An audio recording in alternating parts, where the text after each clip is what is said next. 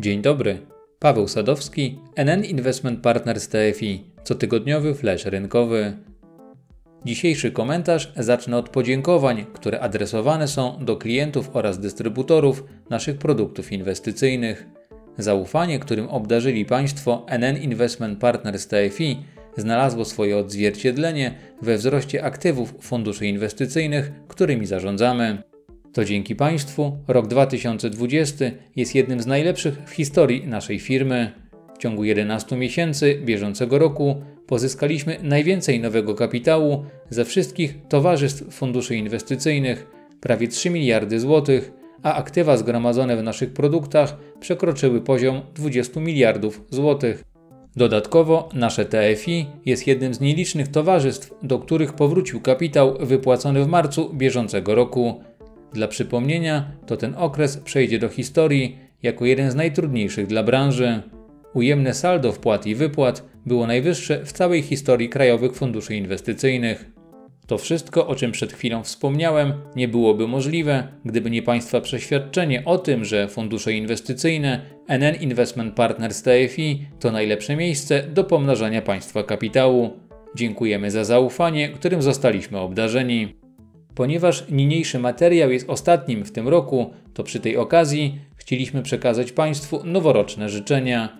Jak one w tak przedziwnym kończącym się niebawem roku powinny brzmieć? Wydaje się, że zasadnym byłoby połączenie ich ze wspomnianym wcześniej zaufaniem. Dlaczego?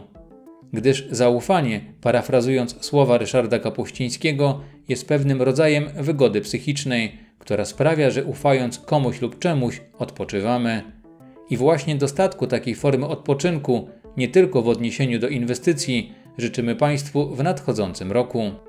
Przechodząc teraz do zagadnień rynkowo-produktowych, to chciałbym zatrzymać się na chwilę przy listopadowych statystykach dotyczących napływów do funduszy inwestycyjnych, które przyniosły kilka niespodzianek.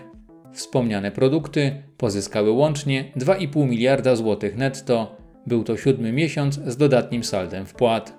Ponownie znaczna część nowych środków trafiła do funduszy dłużnych. To, co mogło być zaskoczeniem, to napływy po trzech miesiącach ujemnego salda do funduszy akcyjnych. Ich bilans sprzedaży przekroczył 200 milionów złotych. Środki popłynęły głównie do produktów akcji zagranicznych, które pozyskały łącznie prawie 300 milionów złotych. Natomiast w grupie funduszy akcji polskich bilans sprzedaży był ujemny i wyniósł niemal minus 100 milionów złotych. Ta listopadowa awersja klientów do rozwiązań, które bazują na krajowym parkiecie, jest zastanawiająca i kontrastuje z zachowaniem rodzimych indeksów. W ostatnich komentarzach wspominałem o tym, że przedostatni miesiąc roku dla polskiego rynku kapitałowego był jednym z najlepszych okresów pod względem stopy zwrotu w XXI wieku.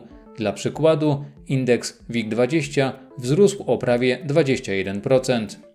Na tak dobre zachowanie warszawskiej giełdy miał wpływ pozytywny sentyment do aktywów z rynków wschodzących oraz powrót zainteresowania inwestorów spółkami z tzw. Tak tradycyjnej gospodarki, które dominują na polskim rynku. Przy tej okazji należy wspomnieć o tym, że w listopadzie zaczęła zmniejszać się olbrzymia dysproporcja między notowaniami zapomnianych i przez to atrakcyjniej wycenionych spółek wartościowych value kosztem spółek wzrostowych growth.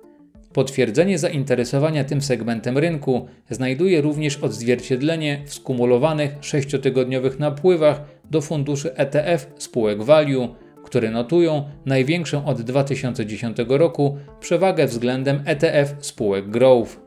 Na koniec, pozostając przy temacie akcji, to jako ciekawostkę warto dodać, że zsynchronizowane działania banków centralnych w imię walki ze skutkami pandemii mające formę olbrzymich zastrzyków rynkowej płynności, doprowadziły na koniec listopada bieżącego roku wycenę całego globalnego rynku akcji w okolice nienotowanego nigdy wcześniej poziomu 100 bilionów dolarów, co stanowiło mniej więcej 114% globalnego PKB. To tyle na dzisiaj i do usłyszenia w przyszłym roku.